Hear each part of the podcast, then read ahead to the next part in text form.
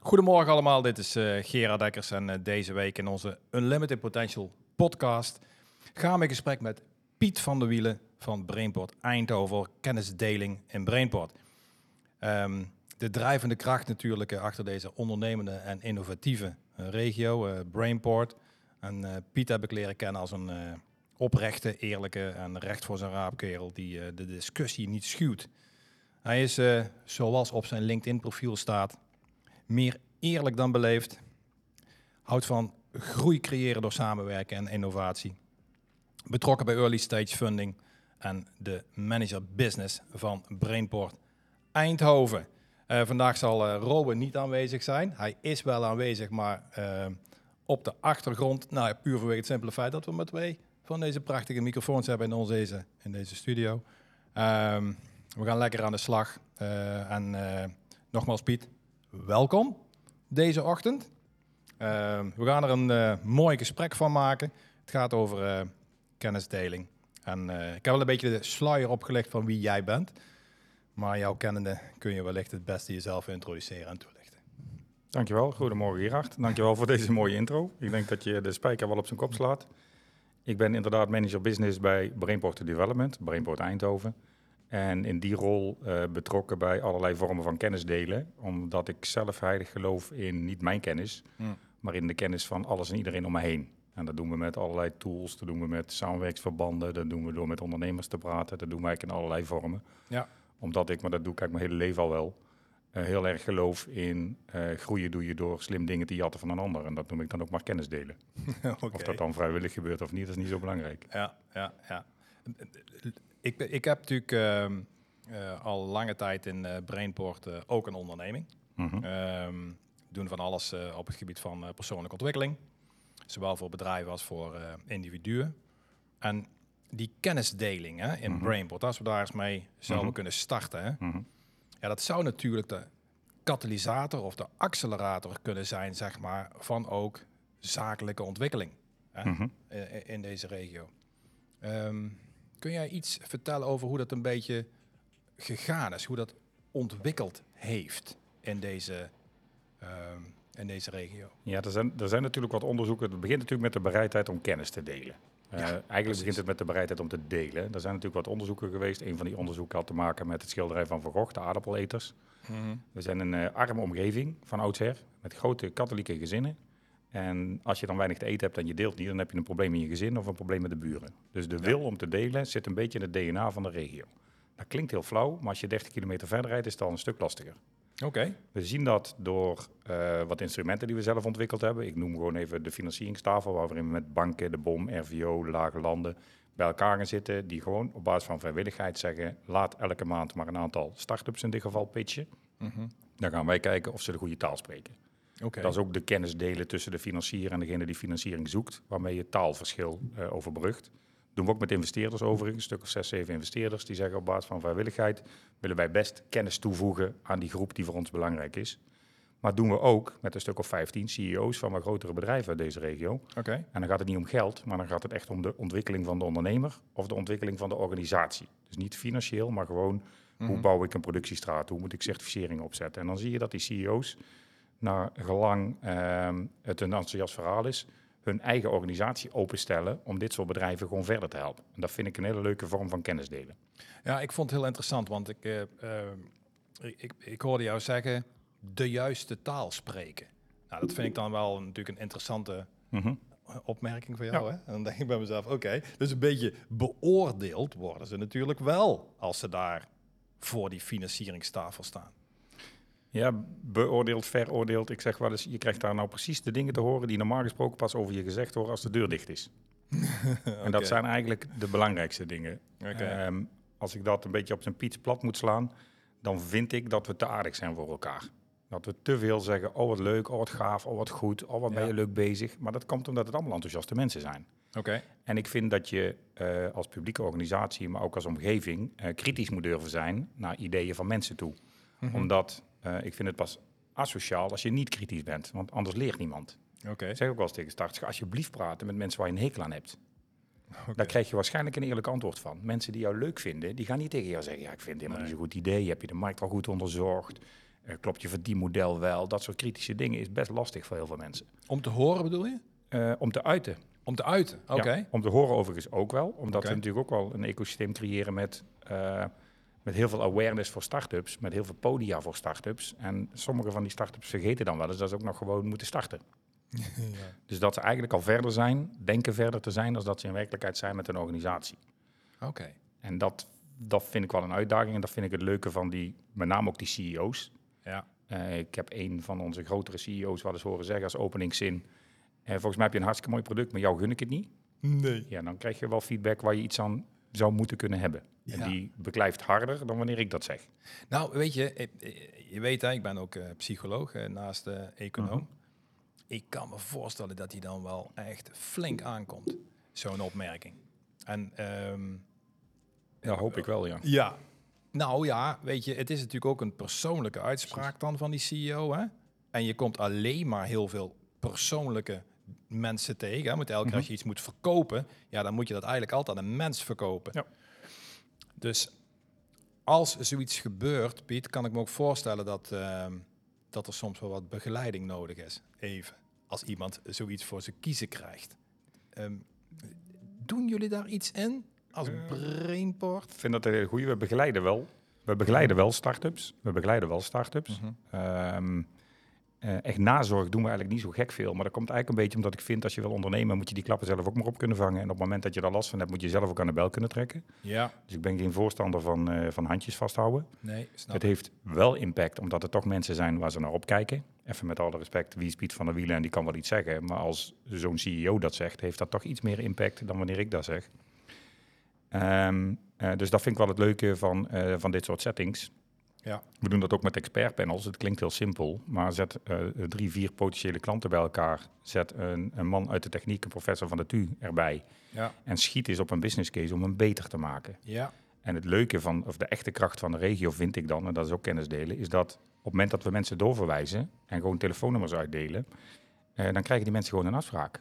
Omdat Ja. mensen gewend zijn daar even tijd voor te pakken. En dat klinkt Nou. zo eenvoudig. ja, maar ook omdat jullie, jij, al jarenlang een vorm van... Filter zijn. Ja, Ja, klopt. Ja, en, en jij, ik heb toch het idee dat jij wellicht niet altijd iedereen doorverwijst. Nee. Dus jij filtert, Ja. zeg maar. Hè? En dat juiste taal spreken als ondernemer, ehm, ja, daar filter jij een beetje op. Klopt. Eh, moet ook wel, want anders worden die mensen natuurlijk knettergek. En ik heb in die, die 14, 15 jaar dat ik nu bij Brainport werk, heb ik één keer iemand gehad die zei, stop er eens mee met het doorverwijzen. Eén Oké. keer gehad. Ik zeg ook altijd tegen mensen, je hoeft me niet te bellen als het lukt.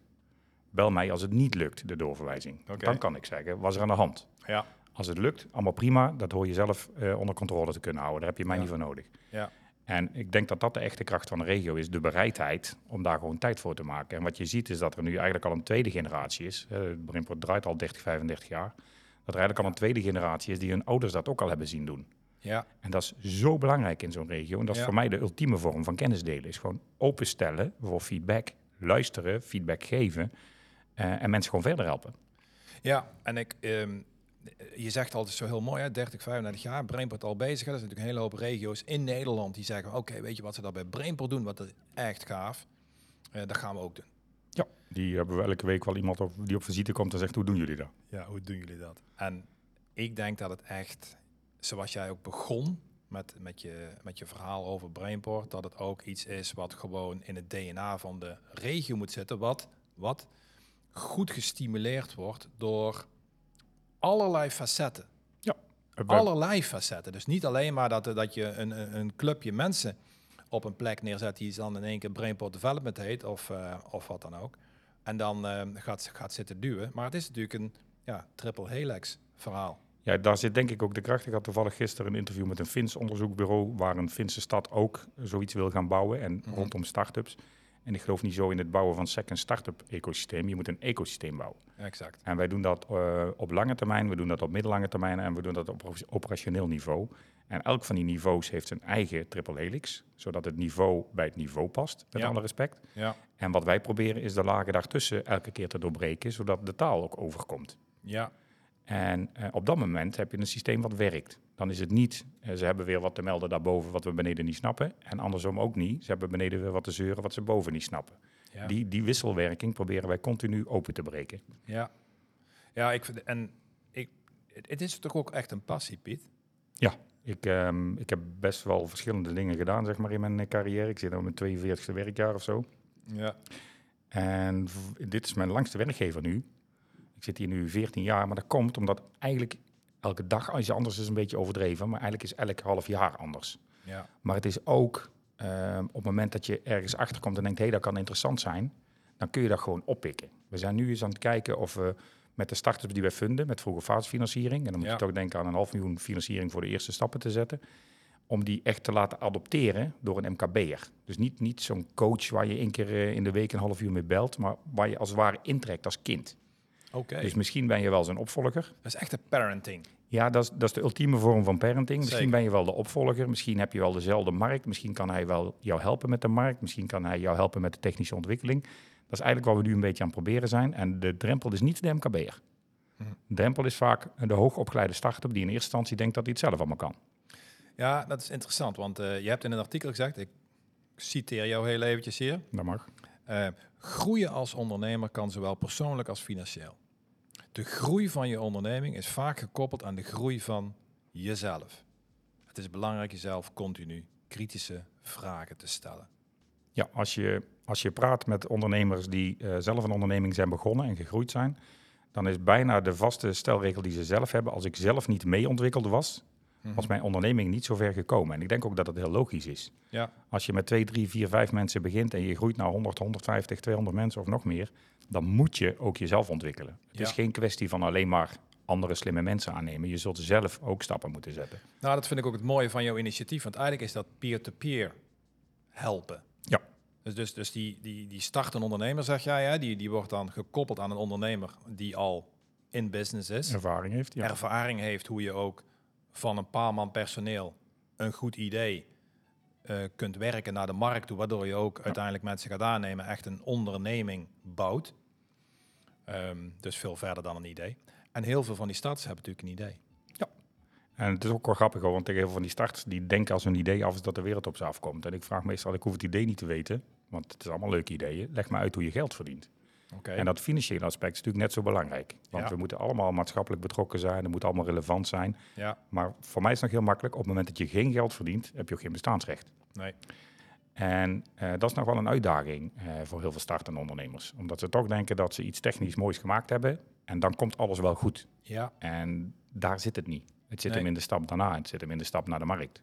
maar dat is ook dus een persoonlijk ontwikkeltraject voor die Ja. persoon. Want die, want die zeker hè, deze regio, hè, de techneuten regio, Ja. waar heel veel prachtige nieuwe innovaties eh, ook het licht zien, zie je natuurlijk toch dat die in eerste instantie in de content zitten, in de inhoud van het product. Ehm, en dat dat nog regelmatig wel eens gefund wordt, de ontwikkeling daarvan, waardoor je ook niet zozeer de pijn voelt van het feit dat je je hypotheek moet betalen. Klopt, eh, ben ik het mee eens. Wat je vaak ziet is dat, en dat is ook wel een uitdaging hoor, op het moment dat je financieren verstrekt aan dit soort teams, dan begin je vaak met de uitvinder die dan ook maar even de zelfbenoemde CEO is. Want de echte algemene CEO die, heb, die heeft nog geen zin als je nog vijf jaar moet ontwikkelen. Nee. En ergens in dat ontwikkelproces zie je dat zo iemand eigenlijk verschuift naar CTO en dat er gewoon externe moeten komen die een beetje die markt gaan ontwikkelen. Ja. En als je, als je nu terugkijkt, heel veel eh, mooie start-ups, mooie ontwikkelde bedrijven hebben ondertussen toch wel een andere CEO. En dat is niet erg, maar dat moet je wel proberen van, van tevoren inzichtelijk te maken, zodat mensen ook weten dat die stap een keer komt. Want het is toch lastig om je kind af te geven. Ja, maar je geeft het natuurlijk ook niet echt af als dat in jouw eigen mindset kan landen. Ik bedoel, snap je? Klopt, maar die mindset, daar zit nog wel een uitdaging. Omdat je natuurlijk begonnen bent als CEO, voor, je, voor het gevoel, en je wordt ook gehyped als CEO, Zeker. dan voelt het alsof je een stapje terug moet doen.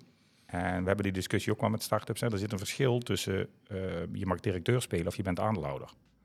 Ja. En eigenlijk moet je tegen jezelf zeggen, als aandeelhouder, moet je tegen de directeur zeggen, dezelfde persoon, van jij doet dit niet goed. Ja. Eigenlijk ontsla ik jou, directeur, maar dan moet je wel tegen jezelf praten. Dat is natuurlijk wel heel lastig. En dat proberen we van tevoren ook wel een beetje eh, te benoemen, in te bouwen, bespreekbaar te maken, naar het team te kijken. Maar dat is ook een lastige, Zeker. want als je vijf jaar moet uitvinden, dan heb je niet zo heel veel aan alleen maar commerciële mensen. Nee. Dus dan start je altijd wel met de, de techneuten. Nou, sterk nog, ik denk dat eh, regelmatig misschien ook een meer commercieel ingericht mens de ontwikkeling of de innovatie in het begin wellicht ook tegen kan houden. Want Ja. je wil natuurlijk wel echt een gaaf product maken. Ja, er hoort een soort balans te zijn en er zijn maar erg weinig, ehm, ik noem het even uitvinders, CTO's, geef het beestje maar een naam, die echt zelf ook doorontwikkelen naar CEO. Dat is helemaal niet erg, maar dat is wel iets wat je in moet richten tijdens het proces van de opbouw van je bedrijf. Ja, ja en daar komen we natuurlijk ook een beetje op het, op het veld van talenten koppelen aan datgene wat nodig is voor die onderneming om te kunnen groeien. Ja. En, en dat wil niet altijd zeggen dat als je de Willy Wortel bent van je eigen product, dat je ook de beste businessontwikkelaar bent Ja, klopt. van jouw product. Klopt, dat is voor mij ook wel de reden om te zeggen van, moeten we het niet eens omdraaien? En moet je niet heel veel van die goede uitvindingen koppelen aan goede bestaande bedrijven? En dat is dat initiatief eigenlijk uit ontsproten. Juist, en dat gebeurt natuurlijk al wel door allerlei bedrijven die innovaties opkopen.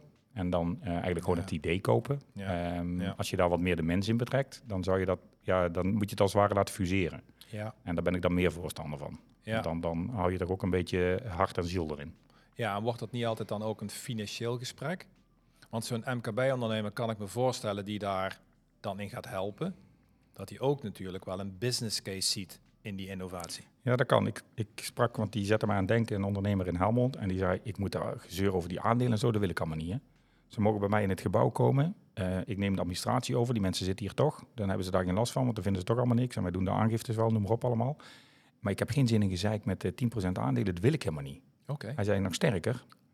Ik wil maar één ding. Ik wil dat ze 15 uur in de week betaald voor mij werken. En toen dacht ik, die is briljant. Want wat hij eigenlijk zegt, Mhm. is van, goh, start-up, je maakt maar 40 uur in je start-up. Dan doe je nog maar 15 uur voor mij. Dan maak je 55 uur, is niks mis mee in het begin. Nee. Die 15 uur krijg je betaald. Dat, regelt, dat genereert voor jou een stukje cash. Dat zorgt voor eh, een minder handjesprobleem bij die ondernemer. Dus ik denk, hey, dit mes snijdt aan twee of drie kanten. Die vond Ja. ik wel heel goed bedacht. En hij zei, Ja. ik wil helemaal geen aandelen, helemaal Nee. geen zin in. Maar dat zul je ook wel andere ondernemers hebben die misschien andere dingen zeggen. Ja, ja. en je hebt ook, ook heel veel start-ups die het idee hebben dat hun bedrijf al wel eh, heel veel waard is, terwijl ze nog moeten beginnen. In, ieder geval nog geen markttractie hebben.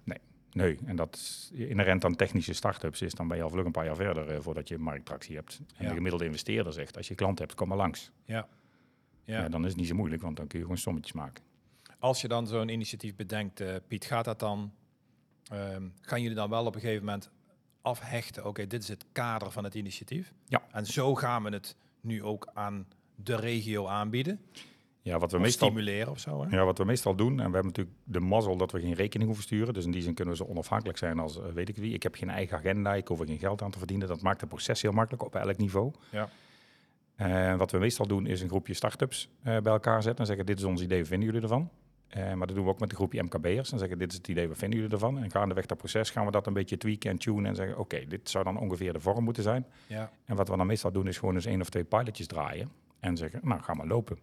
De eerste pilot die we hadden, omdat je toch ook wel raakvlakken zoekt tussen starter en bestaand bedrijf, is dat die ondernemer zei, ik heb een paar aanlouders die vinden dat niet prettig denk ik als ik met een iets wat op een concurrent lijkt Mhm. eh, ga adopteren in deze vorm. Dus ik wil dat wel doen, maar dan doe ik dat onder de radar. ja. Ook prima. Die vorm is wat mij betreft helemaal vrij. Nee, precies. Want het kan natuurlijk ook een concurrent worden van je. Ja. En ook, de, Ja, ook, dat- dat is kennis delen, denk ik. Dat nou je- ja, precies. Daar wilde ik, daar wilde Nou, ik even naartoe. Hè? Ja. Ook dat is kennis delen. Ik geloof heel erg, maar dat heb ik zelf ook wel gedaan in mijn werkzame leven, dat je hebt allerlei niveaus van werken. Hmm. En als je start, dan begin je even heel plat onderaan.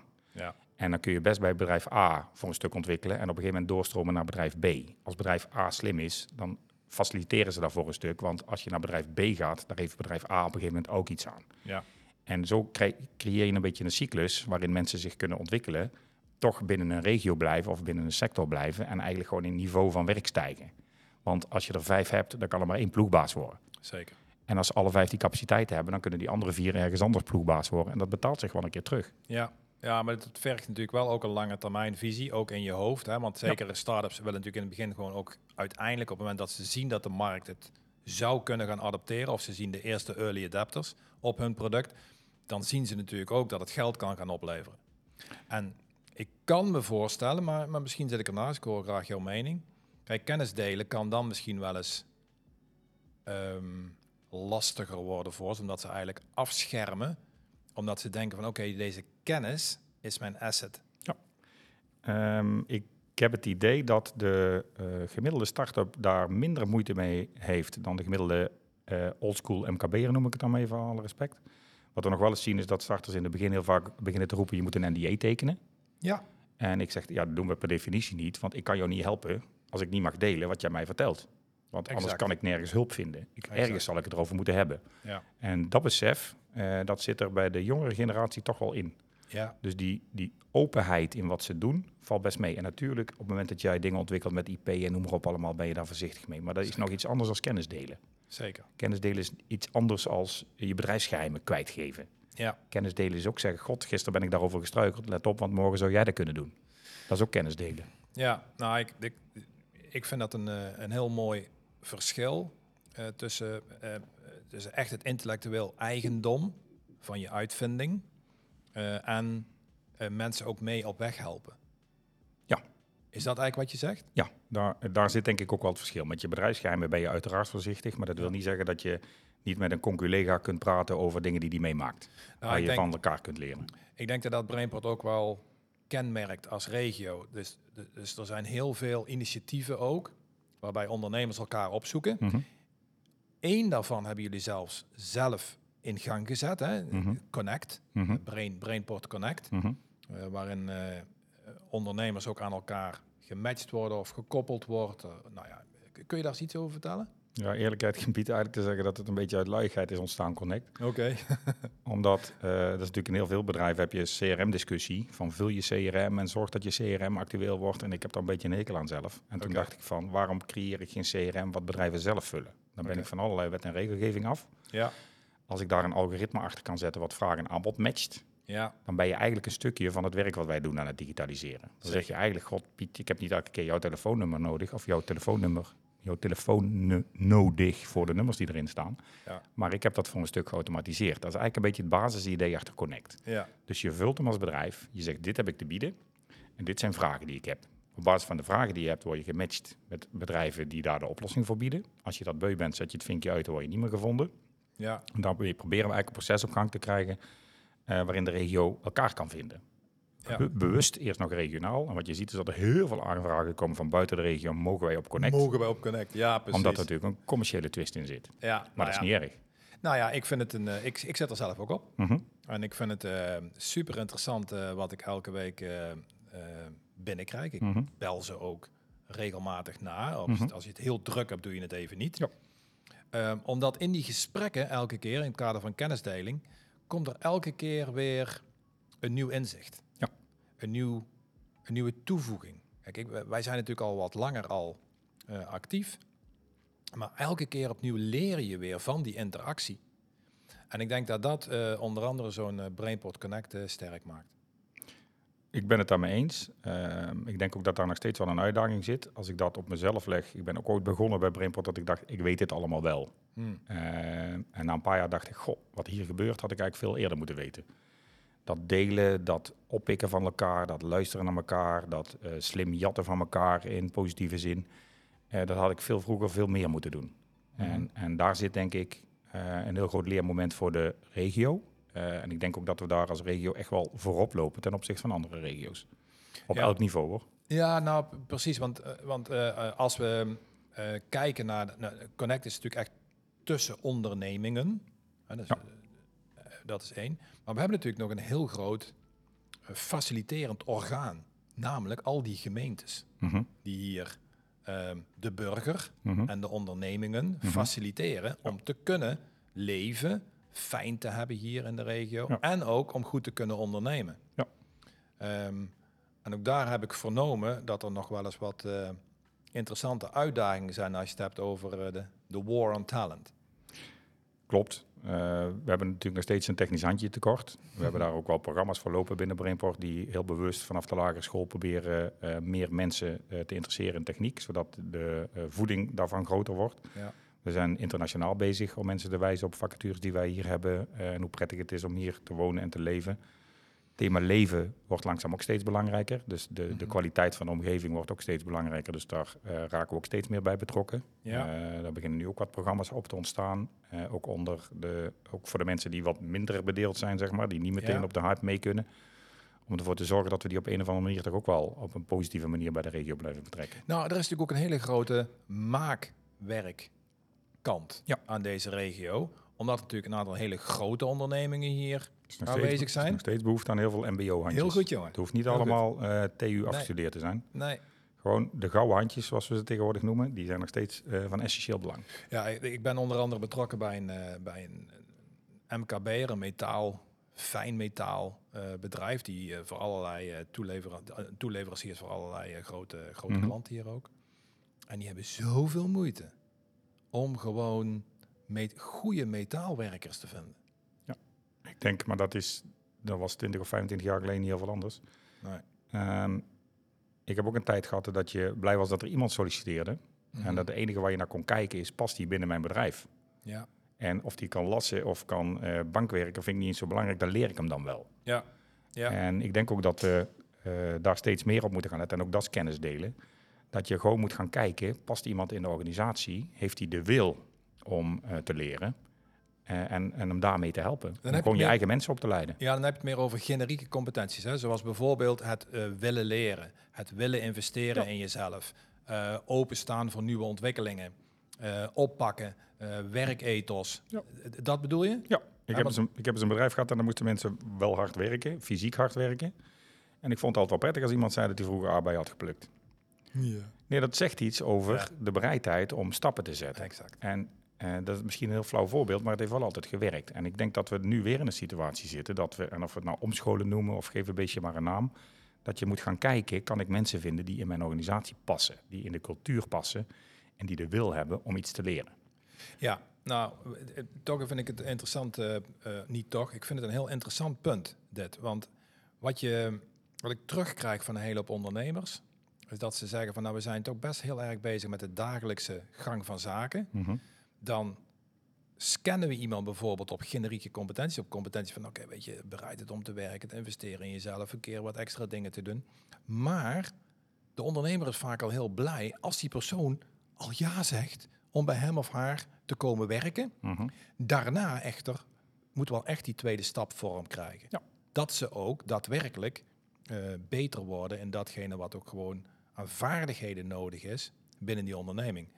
Je zult zo iemand moeten begeleiden en moeten, Heel helpen, moeten helpen met ontwikkelen, anders dan werkt het natuurlijk niet. Nee, nee. En, en daar, ehm, daar zie ik veel ondernemers eh, die eh, toch eh, de brandjes blussen de, tussen haakjes Mhm. de, de hele dag of met de dagelijkse gang van zaken bezig zijn. Ik weet ook En- niet of de ondernemer zelf de meest geschikte persoon daarvoor is. Want die zijn over het algemeen net wat ongeduldiger. Ja. Eh, die vinden allemaal dat het allemaal wat sneller kan, dat het allemaal wat beter moet. Ja, Dus ik denk dat je in je eigen organisatie moet gaan kijken wie, wie werkt hier. En dat kan een heel jong gastje zijn, maar dat kan ook een heel ouder, een oudere werknemer zijn. ja. Wie heeft de capaciteiten om dit soort mensen mee te nemen en het gewoon uit te leggen in een vorm die beklijft?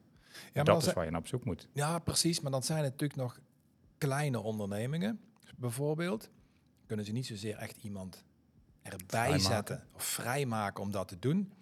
Ehm, ik heb deze discussie natuurlijk ook gehad bij een aantal gemeentes die Mhm. aangesloten zijn binnen de Brainport-omgeving. Mhm. En eh, daar ben ik nu ook mee, eh, mee in gesprek om eens te kijken of we ook niet kunnen werken aan een pool van mensen die mensen kunnen leren om beter te worden in het vak. Mhm. Ongeacht bijvoorbeeld of ze specifiek bij die gemeente werken, Mhm. diegene die het al goed kan, als een soort interne coachpool. Mhm. Maar nou, ik nu met jou zo aan het praten ben, zou het natuurlijk ook wel ongelooflijk gaaf zijn als er ook zoiets zou zijn, zeg maar, voor de ondernemingen, zeg maar. Ja, mijn eerste reactie is dan, dat zou ik dan onderwijs noemen. Eh, maar dan krijgen we die discussie dat daar mensen vandaan komen die nog niet weten hoe het werkt. Eh, Ja. Wat op zich wel grappig is, we zijn natuurlijk nu bezig om te kijken of we eh, werknemers les kunnen laten geven, part-time. Omdat die een soort enthousiasme met zich meebrengen en een soort praktijkkennis met zich meebrengen die de reguliere eh, eh, onderwijsinstellingen zelf niet meer hebben schijnbaar. Ja. En deze zou je natuurlijk om kunnen draaien. Dat je zegt van luister, kunnen we niet eh, wat leraren in een pool krijgen om op een andere manier dan curricula Ja. Ja, dit soort mensen klaar te stomen voor werkzaamheden die bedoeld zijn voor een, or- voor een organisatie. Omdat je dan wel wat didactische vaardigheden hebt. nou ja, dat. En, en niet zozeer dus zeg maar om ze dus aan te nemen, om te zorgen dat ze in het bedrijf... Om ze op te leiden. Precies. Hè, want, want, die, want, die, want die interne coach eh, Mhm. rol zou natuurlijk het meest fijne zijn. Hè? Dat je Mhm. dus iemand met ervaring in jouw onderneming kunt eh, inzetten om, eh, om iemand te, te Ja, stapsgewijs, begeleiden. stapsgewijs en met moderne technieken zou je kunnen zeggen. Ik heb één coach en die houdt vijf bedrijven in de gaten. Heel goed, Piet. Dat, dat is een beetje wat in mijn innovatieve hoofd zat. Ik Mhm. dacht van, ja, weet je, we hebben hier zoveel kennis, zoveel vaardigheden in de regio. Hoe gaaf zou het zijn als mensen ook vanuit die context elkaar meer gingen Mhm. he- helpen te ontwikkelen, Mhm. zeg maar. En we weten allemaal dat het super moeilijk is om iemand off the shelf meteen helemaal klaar, zet hem in Ja. plug and play. Dat gaat gewoon niet gebeuren. Nee, die zijn op. Op. Die zijn op. Die, Ja, die, die haal je weg bij de buurman, dan heeft de buurman een probleem. Precies. En dan heeft Brainport als regio Ja, schieten we er niks mee op. heel goed. Dan draaien we gewoon rondjes. Zeker.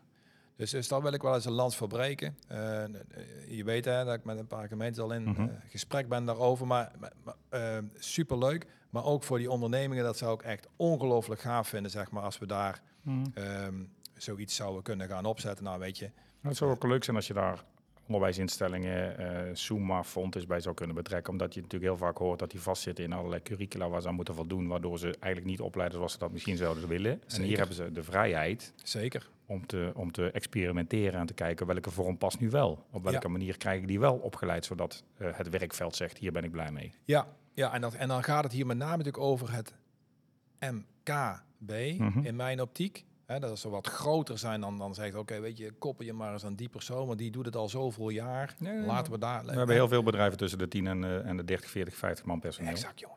Exact. Dus ik denk dat daar, eh, dat daar zomaar eens... eh, een- en kijk, en zo'n... Bijvoorbeeld zo'n tooling als je wat je van Connect hebt, hè, dan zouden Mhm. zomaar eens een hele hoop goede leraren die interesse hebben, of die misschien zelfs wel leraar geworden zijn nadat ze ook al ondernemer zijn geweest. Mhm. hè. Dat, dat, dat zie je ook steeds meer. Mhm. hè. Ehm, die daar eh, ook in eh, gematcht zouden kunnen worden, of in ieder geval daar hun profiel op Mhm. hebben, zouden kunnen hebben staan. Maar goed, dan worden we wel heel praktisch. Ehm, mooie. Dat doe ik het liefst overigens. Ja, nee, dat, zo ken ik jou ook. Ehm, ja, weet je, ik, ik, ik vind dit, eh, ehm, dit onderwerp in het kader van kennisdeling, dat is natuurlijk een onderwerp van alle dag. Hè. Vroeger Mhm. wel was dat normaal Mhm. dat je dat ging doen. Ehm, nu is dat niet zo normaal, omdat we natuurlijk best heel veel in ons eigen kokon leven. Hè, dus, Ja. dus Het is Dat. een een beetje inherent aan de tijd. Als het heel druk is, dan eh, vallen sommige dingen af. Als het wat rustiger wordt, dan krijg je er weer tijd voor. Maar dan heeft het eigenlijk geen zin meer. Dus in die zin is het een beetje acyclisch ook. Hè? Ja, ja, nou ja, dat denk ik in ieder geval eh, eh, ook. Dus, dus ik, ik, ik, ik, ik denk dat het kader van kennisdeling in Brainport, dat dat eigenlijk altijd deze omgeving wel gekenmerkt heeft. Mhm. Maar dat het nu extra nodig is, omdat we gewoon eh, moeten zorgen dat ze zeg maar, de bedrijvigheid ook aan de gang houden. Ja, ik, ik denk dat het een soort twee sporen beleid is. Ik denk dat je kennisdelen hebt tussen allerlei technische innovaties en uitvindingen en noem maar op, allemaal dat soort kennis. Ja, En ik denk waar we nu over praten is dat je eigenlijk zegt, ik probeer eh, kennis te delen om een nieuwe workforce eh, eh, op poten te krijgen. om mensen aan de gang te krijgen die dat anders niet voor elkaar hadden gekregen. Dat is, dat is Dat- even dat- een andere vorm van kennis delen. Nou, dat is een andere, kennis van andere vorm van kennis delen. Maar we hebben het natuurlijk een aantal minuten geleden wel over gehad dat als een ondernemer, een innovator, een Willy Wortel, Mhm, iets fantastisch gemaakt heeft, mhm. moet het daarna wel naar de markt. En heel veel naar de markt brengen vergt handjes. Ja, maar de, de, een hele belangrijke stap erin is dat eh, op het moment dat het druk is, heel veel bedrijven zeggen, dan moet ik dus met iets nieuws aan de slag. Ik heb daar geen mensen en geen tijd voor. En dan, dan valt zo'n innovatie een beetje stil, omdat je dan zegt tegen die start-up, regel het zelf maar. Eh, op het moment dat het qua, qua omzet zeg maar rustiger is, dan is de wil om dat over te nemen is natuurlijk veel, veel groter. Want daarmee creëer je meteen nieuwe markten, nieuwe omzet. Maar als je, al, als je al tot boven je ogen vol zit, Ja. ja, dan is dat toch even lastiger om te zeggen, ik maak hier even tijd voor, want die tijd is er niet. Nee, nee, nou precies. En, da- en daar moet dus ook, eh, denk ik, wat strategischer nagedacht worden. Wil je dit echt, dit, eh, dit, dit, dit vliegwiel echt Mm. aan de praat krijgen? Ja, ik, ik, zit tegelijkertijd even te denken. Denk, wat we een beetje algemeen al geaccepteerd hebben, is dat we uh, met geld zeg maar, vroeg moeten financieren, omdat de commerciële partijen dat nog niet doen. Mhm. met publieke fondsen uh, proberen bedrijven de eerste stappen te laten zetten. Uh, je zou natuurlijk ook kunnen zeggen dat er publiek geld nodig is om dit soort verbanden op te gaan zetten. Ja. Omdat bedrijven daar nog niet aan toe komen, omdat daar Ja. een witte vlek zit in, in tijd, in bezetting, in mogelijkheden, noem maar op allemaal. Dus dat Ja. je dat op een andere manier gaat, gaat funden. Dat hoeft niet per se geld te zijn. Er kunnen ook handjes zijn van van alles en wie. Eh, dat je op die manier een soort trainingspool, opleidingspool op zou gaan zetten voor de regio. Ja, ja, en met name zeg maar, ja inderdaad. Ja, wij noemen het dan een soort eh, interne coaches. Hè? Dus, dus, maar dan echt gericht op ook wat die onderneming nodig heeft in het kader van de handjes die daar nog niet echt capabel voor zijn om dat werk te leveren. Ja, maar dat doe je dan wel voor eh, vijf of tien of twintig bedrijven tegelijkertijd. Absoluut. Ja, dus dus, dus, dus dat, dat, is het, eh, dat, is, dat is het idee eigenlijk daarachter. Ehm, ja, eh, ja, je kent mij ook, hè? Heel, ik word ook altijd heel praktisch. Mhm. Naast het feit dat ik denk dat je niet zomaar een coach bent of een interne coach bent voor een onderneming. Dan zul je ook jezelf een beetje moeten scholen. Zeker als je de hooggeschoolde of, of hoogvaardige prof- professional bent. Dan, dan is het niet zozeer dat je met instructie in aan komt. Dan zou je toch uiteindelijk moeten leren hoe je iemand activeert in plaats van instrueert. Zeker als je een doelgroep aan wil eh, snijden die nu nog niet geactiveerd is, zeg maar. Dan is de Exact. activatie stap 1. Ja, exact. exact. En, en ik denk ook dat eh, de jonge mensen van tegenwoordig ehm, ook heel graag peer-to-peer leren. Ehm, misschien wel veel liever dan van een ja, traditionele leraar in een traditionele school. Ja, ik, ik doe wel eens van die sessies eh, voor industrial design op de TUW. Eh, en dan hebben ze het over eh, hoe maak je het beste businessplan, of ik dat dan even uit wil komen leggen. En ik heb dan altijd maar twee sheets bij. En sheet 1 is gewoon Google. Dan zeg ik, jongens, wat moet ik hier komen vertellen? Als je toch een uur googelt, dan vind je de beste plannen ter wereld. Dan kun je allemaal lezen wat erin staat en hoe die is opgebouwd en hoe de hoofdstukindeling erin zit en wat erin moet Ja. staan. Dat hoef je van mij niet te horen. Nee. Dus vraag het alsjeblieft niet aan mij, Google gewoon. Ja. Ja. En mijn tweede sheet is dan literatuur. En dat vinden ze dan voor algemeen ook wel interessant. Maar dan kom ik niet verder als het boek van Tijl Uilenspiegel. Oké. Omdat dat, ja, dat is wel grappig. Eh, al, al zoekende kwam ik erachter dat die man dus echt bestaan heeft en in 1352 ergens in Duitsland is begraven. Eh, maar daar zit voor mij een beetje de commerciële twist in. Wat hij Mhm. eigenlijk deed, was niet zeggen: ik heb iets en dat moet jij kopen. Wat hij deed is eh, eigenlijk eh, koesterde iets wat niet zoveel waard was, omdat hij iets wilde hebben wat jij had. En hij gaf jou het idee dat jij per se mijn ding wilde hebben, waardoor hij krijgt wat hij zelf wil. En dat is een andere manier van naar commercie kijken. En zeker bij technische mensen zie je nog wel eens dat Mhm. die, die twist in denken, het is niet het product is goed. Nee, je moet hebberigheid creëren op basis van wat jij in je handen hebt. Ja. En dat is een beetje wat die Tijl-Uilenspiegel eh, f- f- vlierenfluitend eh, deed eh, rondom eh, de Schelde en Antwerpen volgens mij. Ja. Eh, dus dat vind ik altijd wel grappig om mensen even op een andere manier aan het denken te zetten. Ja, wij, eh, nou ja, ja. Maar je ziet het ook, ik, heb ook wel eens, eh, ik zit ook wel eens in juries met studenten, er zitten er 300 studenten. En die zitten de hele dag op een telefoon. En als je dan zegt, wie van jullie heeft nou gekeken naar die vijf juryleden wie daar zijn? Dan steekt er op de 301 zijn hand op. Hm. Dan denk ik, jongens, gebruik dat ding ook fatsoenlijk. Ja. Doe daar ook nuttige dingen mee. Probeer daar kennis mee naar voren te halen. Ja. Dat mis Ja. ik nog wel eens. Ja, nee. nee, eh, nou ja, weet je, ik denk dat het onderwerp over sociale media en het gebruik van eh, mobieltjes eh, een volledige podcast kan vullen. Dat is ook kennis delen. is ook, ja, als het inderdaad, ja, precies. Ehm, maar dat, dat, daar, als je het goed vindt, gaan we daar nu niet op in. Prima. Want daar- dan wordt deze heel erg lang. Ehm, ik denk dat, ehm, de, dat de jeugd de toekomst heeft. Ik denk dat we ook als Brainport gezien hebben dat we een fundament gelegd hebben om de regio innovatief te maken. Maar niet alleen dat, maar ook te laten zien dat we de tweede stap kunnen zetten. Dus de Mhm. stap naar de markt. toe. Mhm. Dus ik denk dat dat heel erg goed gaat. Ik denk dat, eh, dat er nog aardig wat te doen is in het kader van kennisdeling. Ik denk dat daar een aantal initiatieven zomaar eens eh, nog meer het, en breder het licht zouden mogen gaan, gaan zien. Nou, daar praten we wellicht nog wel een keer verder Mhm. over. Ehm, is er nog iets, Piet, hè, waarvan je zegt van oké, binnen dit onderwerp, nou, dat wil ik graag toch nog heel eventjes in deze podcast ter tafel brengen. Ehm, dan zou ik eigenlijk precies moeten weten wie er allemaal naar die podcast luistert. Ehm, Ja, ik denk, eh, en misschien is dat een generatiekloof, dat zou kunnen. Ehm, ik denk dat je bewuster stil moet staan bij het delen van kennis. Hm. Maar dat begint bij de openheid van jezelf om kennis van een ander te accepteren. Ja. En daar zit voor mij denk ik een beetje het wringpunt af en toe. Dat mensen al vlug geneigd zijn. Ik ben goed opgeleid, ik heb het allemaal al geleerd, ik heb het allemaal gehoord, ik weet het allemaal al. En ehm, ik denk als je kennis durft te adopteren zelf, Ja. dat je het automatisch ook weg gaat geven. Dus dat zou mij, wat mij betreft echt stap 1 zijn. Zorg dat je ervoor open staat, dat je leert van een ander. Ben er gewoon bewust naar op zoek. Ja. Jat stukken van een ander, gebruik ze en maak daar een nieuwe jezelf van. Ja. Ik denk dat daar de bereidheid moet beginnen. Nou, ik denk dat onze luisteraars dit eh, goed in de oren gaan knopen. Ik hoop het. Ja, eh, Piet, eh, het, ik vond het echt een geniaal gesprek. Ehm, ik waardeer enorm dat je er vandaag geweest bent om te praten over, over kennisdeling. Graag gedaan. ja. Ehm, onze podcast luisteraars en kijkers is op alle eh, podcast platforms ehm, te beluisteren. En we gaan ook eh, op YouTube eh, dit zien. Als je vragen hebt, zowel aan Piet of aan ons, ehm, zet het in de comments. Dat kan. Ehm, je kunt ons ook een e-mail sturen naar, uh, naar info@unlimitedpotentialprogram.com of natuurlijk rechtstreeks Ja, mijn telefoonnummer en mijn e-mailadres staat gewoon op de Brainport website. Staat het Brainport website. En als je, als je het goed vindt, dan kunnen we hem ook in de, Geen in de comments probleem. eh, zetten van, eh, eh, van, van onze, onze podcast. Ehm, dan rest ons eigenlijk, Piet, je nogmaals hartelijk te bedanken Graag voor gedaan. vandaag. Bedankt voor de uitnodiging. En ehm, graag gedaan. En wij sluiten eigenlijk altijd af met de uitspraak Dare to Dream. Kijk, dat is een mooie.